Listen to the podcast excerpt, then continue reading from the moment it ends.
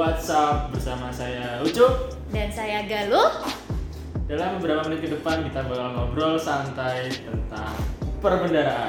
Yuhu. Terinspirasi dari Boba, minuman yang lagi hits, kita bikin serial podcast khusus buat mitra kerja KPPN Jakarta 4 Boba, ngobrol bareng kita-kita. Yep, betul banget. Dan semoga ini bisa memberikan inspirasi bagi rekan-rekan dari KPPN Jakarta 4. BTW kita tanya-tanya kabar dulu dong. Boleh deh, pendengar kita dari mana aja nih? Hmm, pasti banyak ya dan kebanyakan kayaknya lagi pada menjalani WFH deh. Kamu iya juga nggak? sih kayaknya. Aku iya kadang-kadang. Kadang-kadang di kantor juga. Jangan lupa tetap patuhi protokol untuk pencegahan COVID, pakai masker, rajin-rajin cuci tangan, dan atur jarak dengan orang lain. Gitu. Cuci kaki sebelum tidur juga jangan lupa. Oh iya, biar biar bisa tidurnya nyenyak. Siap. Oke, jadi kita akan ngobrolin apa aja nih? Hmm. Playlistnya yang pertama ada apa nih? Di episode perdana ini kita bakal bahas tentang suatu informasi ringan tapi perlu banget untuk diketahui oleh mitra Satker KPPN Jakarta 4. Yoi. Apa tuh? eh ini nih berhubung baru-baru ini sedang ini ya sedang dalam masa darurat COVID-19 seperti yang kita ketahui dan dari itu kita harus menjalankan bukan lagi social distancing ya apa tuh? Physical distancing, Mbak. Oh iya, sudah level lebih tinggi lagi gitu. Nah, begitu juga dengan KPPN Jakarta 4 yang pada akhirnya melakukan penyesuaian pelayanan. Nah, kita perlu tahu nih apa aja sih pelayanan yang disesuaikan? Menurutmu apa sih pelayanan yang berbeda dari KPPN sebelum masa Covid ini dan setelahnya? Kalau yang aku merasa sih karena aku kan kadang-kadang di kantor juga, kadang-kadang di kos. Di kantor tuh pas hari pertama masa-masa covid, kerasa banget dulu sebelum covid KPPN tuh berasa kayak terminal gitu. Hmm. Satker pada ngetem di sini kan, Hmm. nah nungguin SPM segala macam. Pas masa covid bahkan pintu utama itu ditutup, jadi nggak ada tatap muka sama sekali. Kaget kan, wih ini ada kasus apa nih gitu kan? Ternyata, Ternyata? memang itu salah satu penyesuaian layanan di KPN, nggak ada tatap muka. Bahkan mungkin kalau ada satker yang memaksa masuk gitu Hmm. kan, mungkin bisa-bisa diusir tuh. malah dimarahin ya Iya. aduh padahal kan kita tahu sama-sama tahu sendiri ya KPPN Jakarta 4 terutama itu pelayanannya selalu terbuka untuk satker mitra kerjanya dan mulai dari masa darurat ini semua layanan tatap muka ditiadakan dan diganti melalui media online Yoi, terus kalau satker mau ngajuin SPM gimana tuh? Nah Emang bisa online? Bisa dong. Zaman segi, zaman sekarang apa sih yang nggak bisa online gitu?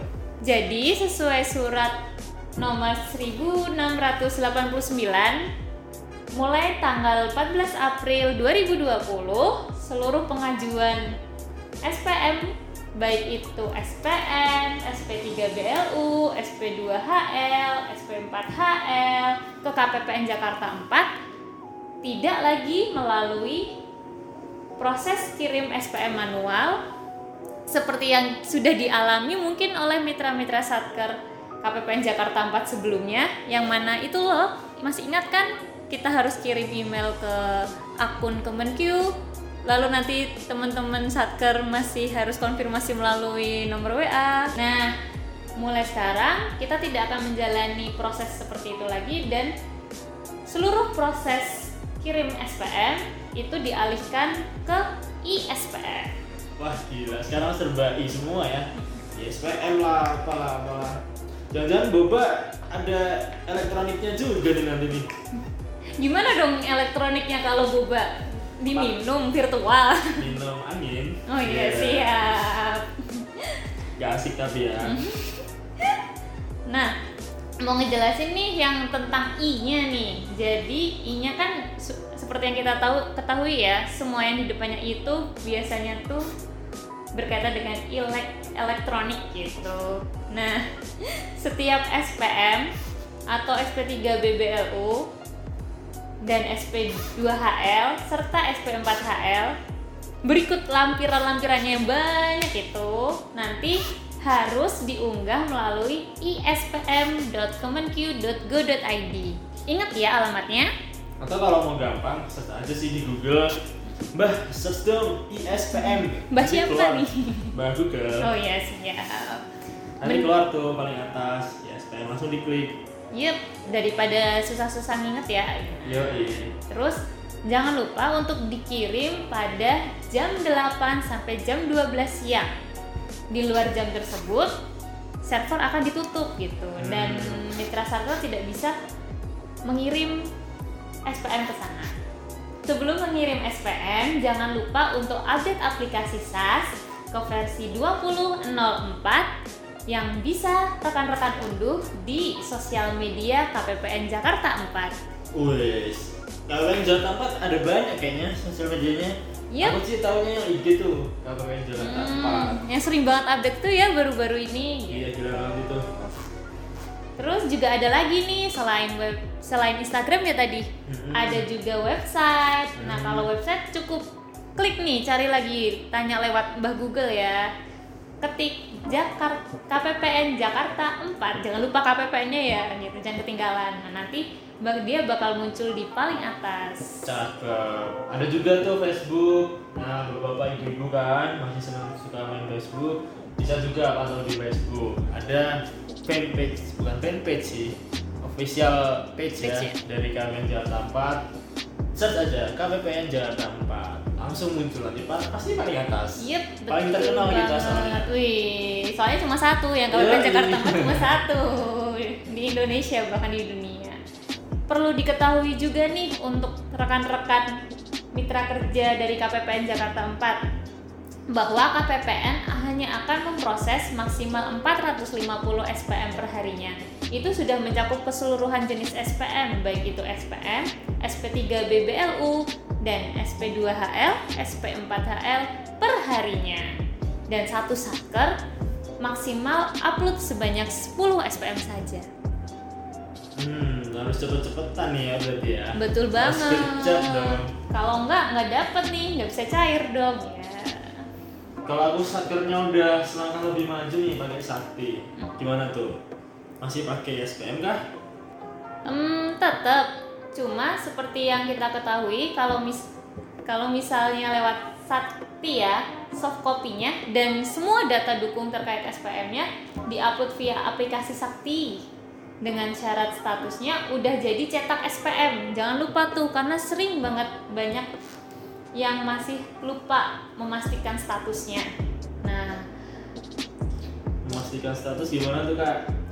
dicek dong di saktinya di aplikasi saktinya udah udah tulisannya udah bener belum tuh cetak SPM gitu nah untuk aplikasi untuk yang pakai aplikasi sakti nih maksimal yang di bakal diproses oleh KPPN itu hanya sebanyak 50 SPM saja dan sama seperti yang melalui SAS tadi setiap satker maksimal hanya mengirimkan sebanyak 10 SPM per harinya Oke. ukurannya jangan lupa maksimal 2 MB aja. Berarti kalau SAS 450, kalau Sakti 50 ya. bener bener banget gitu Oh iya buat pendengar-pendengar setia Boba KWN Jatah 4 eh, kita ada playlistnya di deskripsi kalau rekan-rekan mau langsung menuju ke menu yang, dibutuhkan ya yang males dengerin kita cerewet gitu. iya bisa langsung lihat ke playlistnya bener banget oke kak lanjut terus Oh, berarti iya. yang di WA WA itu hilang ya Hilang. konfirmasi konfirmasi Yup, hilang semua. Jadi udah nggak ada lah nanti namanya konfirmasi-konfirmasi manual gitu via WA di bakal dihubungin satu-satu oleh kami gitu. Nah, Oke. semuanya sudah lebih praktis menggunakan ISPM aja. seru banget Oh iya, misal rekan-rekan masih bingung nih cara penggunaan I- ISPM itu seperti apa, bisa cek aja di akun YouTube KPPN Jakarta 4 ya.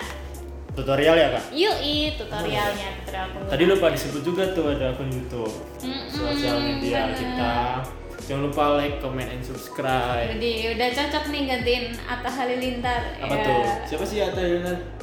Itulah yang biasanya di situ. Yang itu tuh. Oh, yang Cari itu. aja. Oh iya, eh mau nambahin. Eh jangan lupa juga tetap buat mengirimkan hard copy-nya ya, hard copy SPM atau SP3 BLU, SP2HL atau SP4HL-nya yang sudah bertanda tangan dan lampirannya ke KPPN maksimal lima hari setelah nanti kondisinya sudah normal sesuai keputusan yang ada gitu. Emang kapan kak normal lagi? Bukan saya yang tahu. Kayaknya cuma yang di atas yang tahu ya. Iya, kita sih berdoanya ya. Semoga semua ini cepat segera selesai sih. Kan udah kangen juga untuk beraktivitas seperti biasa gitu. Kangen sama siapa kak? Kangen sama keadaan. Oh, oh. oke deh. Paham pahamin aja deh. Iya, betul Ntar banget. juga aku ulangin kalau misalkan nggak paham podcastnya. Iya. Biar makin apa sama suara kita. kita. Iya, semoga aja sih telinganya nggak bosen ya sama suara kita. Oke.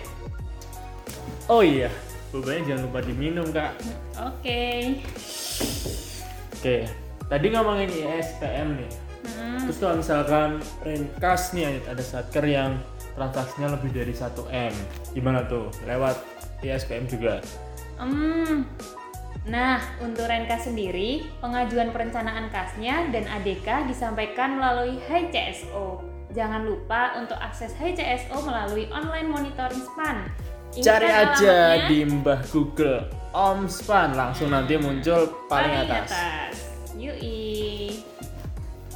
Mau nambahin nih untuk pendaftaran kontrak mulai 22 April 2020 ADK, soft copy karwas, dan scan kips yang tadinya dikirim melalui email heru.prasetyo@kemenq.go.id menjadi alamat iloket.kontrak.kppn4@kemenq.go.id. Ingat ya alamatnya. Bentar Udah- kak, Mm-mm. nggak ada pulpen nih Oh nyatetnya iya, gimana dong? lupa lupa ngingetin ya. Ambil ambil ambil pulpennya dulu. Atau nanti tulis aja kak di des- deskripsi. Oh iya, bisa. Tapi mau diktin sekali lagi nih, diperhatiin ya.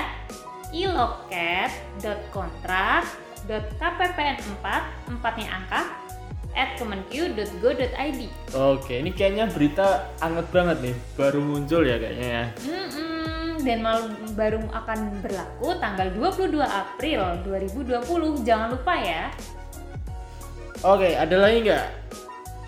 Tentunya ada nih. Mungkin Satker masih pengen ya buat mengirimkan surat dan dokumen lainnya. Nah, mulai tanggal 22 April juga pengiriman surat dan dokumen-dokumen lainnya termasuk SKPP nih dalam bentuk soft copy awalnya ke email arda.nhaya@kemenq.go.id akan dialihkan ke email iloket.umum.kppn4@kemenq.go.id.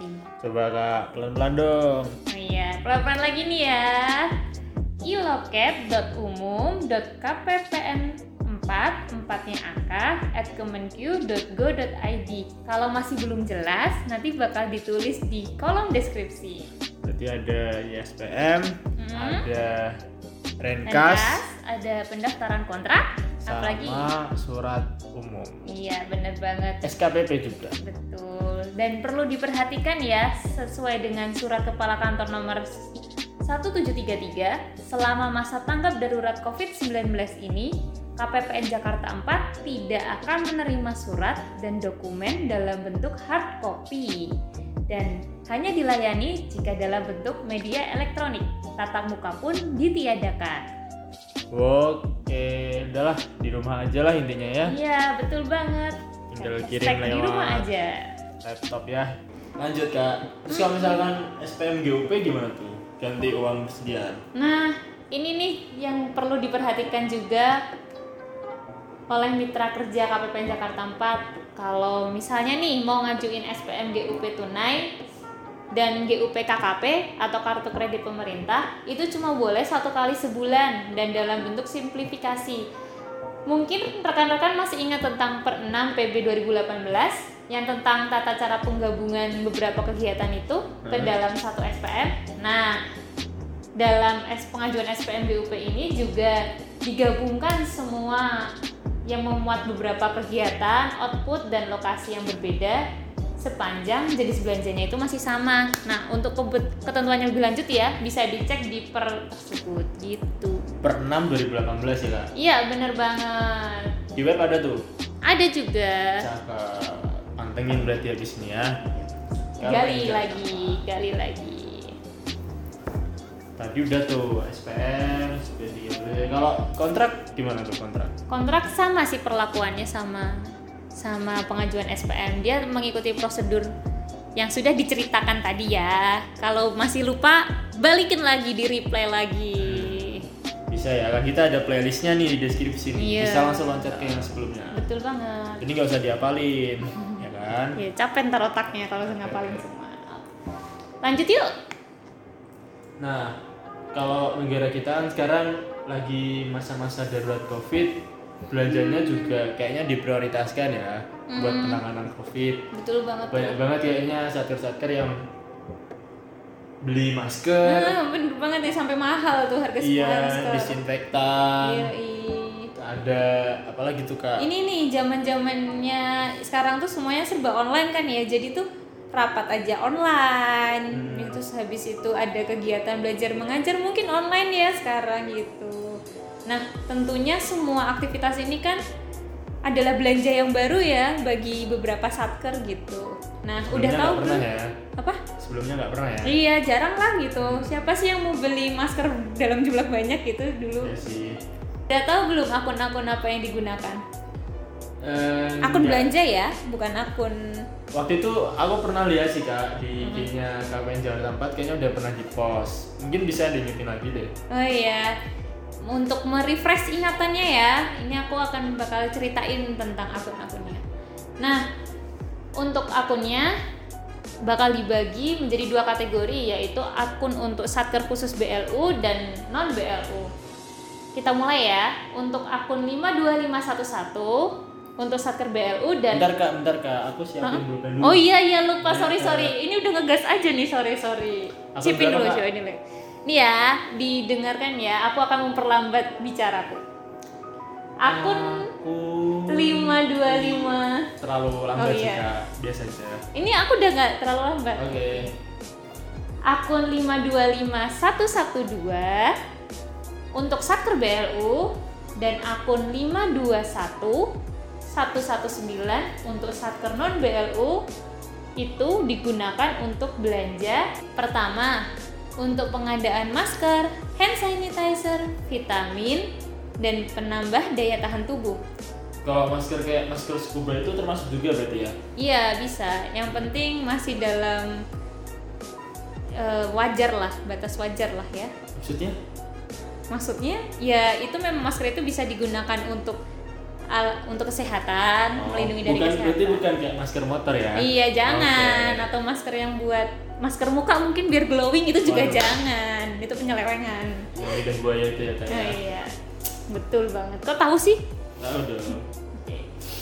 Terus yang kedua nih akun tersebut juga bisa digunakan untuk pengadaan lisensi video telekonferensi berbayar gitu dengan masa haknya yang kurang atau sampai dengan satu tahun. Jadi Oh. maksimal satu tahun aja kalau kalau mau Zoom itu langganan. ya? Bener Eh, banget. Eh, oh iya harusnya eh, gimana ya? Zoom gitu ya. Anggap aja tadi sensor ya. Iya. Benar gini. Terus yang ketiga itu ada pemeriksaan tes kesehatan bagi pegawai berkenaan dengan COVID-19 ini. Biar pegawainya tetap sehat nih. Kalau misalnya mau ngadain pemeriksaan kesehatan boleh tuh dibebankan di akun ini gitu. 52, 51, 12. Benar banget. Itu untuk satker BLU ya. Oh, Kalau iya. yang non beda lagi 521 119. Oke.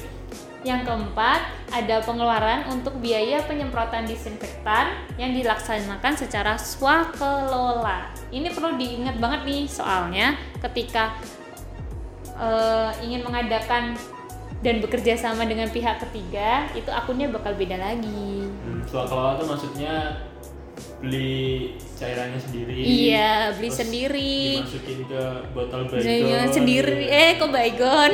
Botol Bisa. ya. Oh iya bisa sih, cuma takutnya nanti khilaf aja nanti baygonnya beneran yang disemprot gitu.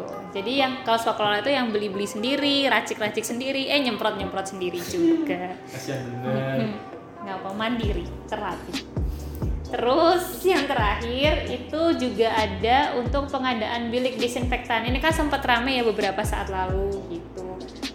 Untuk bilik disinfektan yang non permanen yang bukan aset tetap gitu. Lumayan lumayan. Tapi katanya nggak boleh ya? Kalau sekarang sih udah nggak boleh. Kalau disemprot ke kantor ke masjid itu mah masih boleh. Cuman kalau ke orang jangan. Soalnya kemarin udah dilarang tuh sama Kemenkes hmm. Karena ada rekomendasi juga kalau nggak salah dari WHO iya. Itu berbahaya. Kalau nyemprotin ke seluruh iya gitu dong ya. baygon aja bahaya kalau disemprot ke orang apalagi disinfektan. Ke manusia lagi. Iya.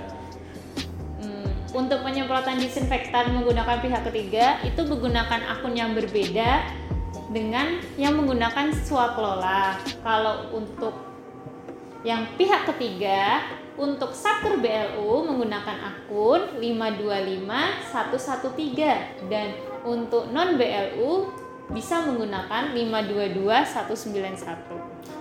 Cakep harus kecatat nih kalau enggak ntar nggak dicairin lagi sama Bener nih, betul banget. Nanti salah bolak-balik lagi. Kan susah. kan nggak ya. balik balik kak sekarang Oh iya benar udah virtual kan bolak-balik bikin. Iya. lumayan deh oh iya sekali lagi ingetin buat pendengar setia boba buat rekan-rekan yang ingin langsung tahu topik tertentu dari podcast ini langsung lihat aja playlist di deskripsi langsung play di menit ke berapa yang teman-teman atau rekan-rekan cari Bener banget. Cek ya di playlistnya biar gak bosen dengerin suara kita. Terus lanjut nih, kita masih ada sedikit lagi yang perlu dibahas. Kemarin aku pantengin IG-nya juga ada tuh waktu itu posting tentang relaksasi Pak. Oh, iya. Kalau nggak salah dari Heidi CPB tuh yang post. Nah bener banget, tau gak relaksasi itu apa? Relaksasi. Bukan tidur-tiduran ya? Rebahan gak sih kak? Iya sih, kalau kita mah identiknya relaksasi itu yang rebahan, Iya. pijet-pijet gitu ya. Jet plus plus. Eh, eh, Oh, bukan. eh, nakal ya. Terus relaksasi apa tuh? Nah, ini kalau relaksasi buat IPA ya, itu beda gitu. Yang dimaksud kebijakan relaksasi IKPA di sini adalah tidak berlakunya penilaian IKPA Satker KL pada aplikasi OMSPAN. Nah, nanti dia bernilai tulisannya di situ NA gitu. Ini Om Span kayaknya keponakannya Mbah Google ya. Nih, enggak ini eh, cucu khususnya perben Oh, gitu. gitu. Kan cuma perben doang. Siap. Berarti kita nggak usah ngisi nih, Pak. Kan IPA itu ada ada banyak ya kalau nggak salah ada LPJ, bendara, Hmm. ada Data kontrak, kata kontrak, dokumen revisi. konfirmasi capaian output tuh yang baru tahun ini kan. Iya. Tahun sebelumnya nggak ada tuh. Terus ada banyak, ada 14 kalau nggak salah. Hmm. Nah itu kita nggak ngisi semua tuh. Tetap loh, walaupun tidak dinilai bukan berarti kewajiban kita tidak dilakukan gitu. Di mana eh untuk tiap-tiap mitra kerja dari KPPN Jakarta 4 tetap menyampaikan dokumen atau laporannya terkait IPA. Contohnya seperti Contohnya seperti, aduh belibet ya. Contohnya seperti LPJ bendahara, data kontrak, dokumen revisi dan lainnya gitu. Konfirmasi capaian output juga. Oh iya, bener ya harusnya di mention nih yang paling Iya keras. Konfirmasi. Paling keras tuh. Soalnya bakal ada yang bakal ada sesuatu yang kita bahas nih terkait itu. iya karena penting banget kak konfirmasi capaian output Bener. untuk tahun ini benar-benar hot issue sih. Widih. Meskipun sekarang belum dibuka tuh e-rekonnya, cuman itu nanti akan menjadi hot issue buat teman-teman rekan-rekan dari Satker. Hmm, bikin penasaran nih. Eh, apa sih hot issue-nya? Boleh cerita di sini atau yang nanti-nanti aja? Jangan dong, nanti spoiler ya asik. Oke deh, bakal kita tunggu pembahasan terkait konfirmasi capaian output di selanjutnya kan ya? episode selanjutnya sih kayaknya. Iya. Tunggu aja. Oke. Nah, alasan dari relaksasi IPA ini sebenarnya karena negara kita sedang berfokus terkait penanganan COVID-19. Nah, di mana relaksasi ini dilakukan untuk mendukung refocusing kegiatan dan realokasi anggaran KL untuk percepatan penanganan COVID-19. Jadi, rekan-rekan KL diharapkan mengutamakan penggunaan alokasi anggaran untuk kegiatan yang bersifat mendukung percepatan penanganan COVID-19. I see. Dapat sih kak poinnya. Jadi biar fokus gitu ya, nggak Hmm. terbebani pada laporan-laporan yang harus disampaikan gitu kan. Mm-mm, betul banget. Oke. Ini ini lagi buat teman-teman pendengar podcast yang ketinggalan nih misalkan dengan penjelasan kita tadi bisa eh, pantengin playlist di deskripsi langsung kalau mau Yep. cari tahu topik tertentu langsung tuju ke menit yang dicari. Bener banget. Jadi kalau misalnya tadi kan kita udah bahas macam-macam nih. Yang pertama tentang ISPM. Terus habis itu prosedurnya gimana? Kalau misalnya pakai sakti gimana tuh prosedurnya? Terus yang kedua tadi bener banget Renkas. Yang ketiga, Gak tahu kak lupa. oh iya, yaudah deh nggak apa-apa. Sekali ini aku yang jawab deh. Yang ketiga itu ada pendaftaran kontrak sama prosedur ketika mau mengirimkan surat dan dokumen pendukung lainnya. Oh ya ada di deskripsi itu juga ya. Iya, dicek aja ya. Terus diperhatikan juga tadi poin berikutnya yaitu poin-poin tentang pengajuan SPM GUP. Dan dua poin terakhir yang penting itu adalah akun-akun belanja yang digunakan dalam masa penanganan COVID-19 dan juga relaksasi IPA. Bisa langsung cek ke menit yang dituju. Terakhir mau ngingetin buat rekan-rekan mitra kerja KPPN buat semua KPPN sebenarnya kalau di masa normal kita janji layanannya SP2D 1 jam tuh Oh iya. nah kita perlu pahami juga di masa darurat ini kita meniadakan ya sementara Mm-mm. ketentuan itu Sementara nggak ada SP2 di satu jam ya? Nah, tapi kita tetap berusaha semaksimal mungkin untuk memproses SPM dari rekan-rekan secepat mungkin. Bener banget.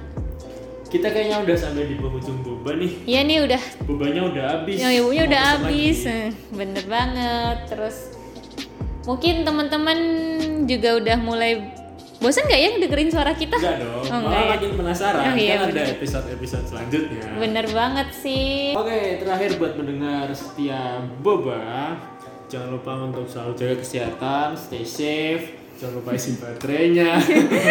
udah merah ya kak. Ini bantuan kan dong.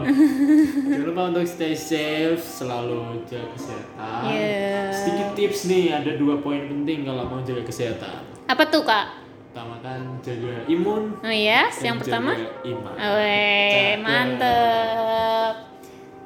Oke, semoga bisa memberikan manis harimu semanis boba. Sampai ketemu di episode selanjutnya. See you.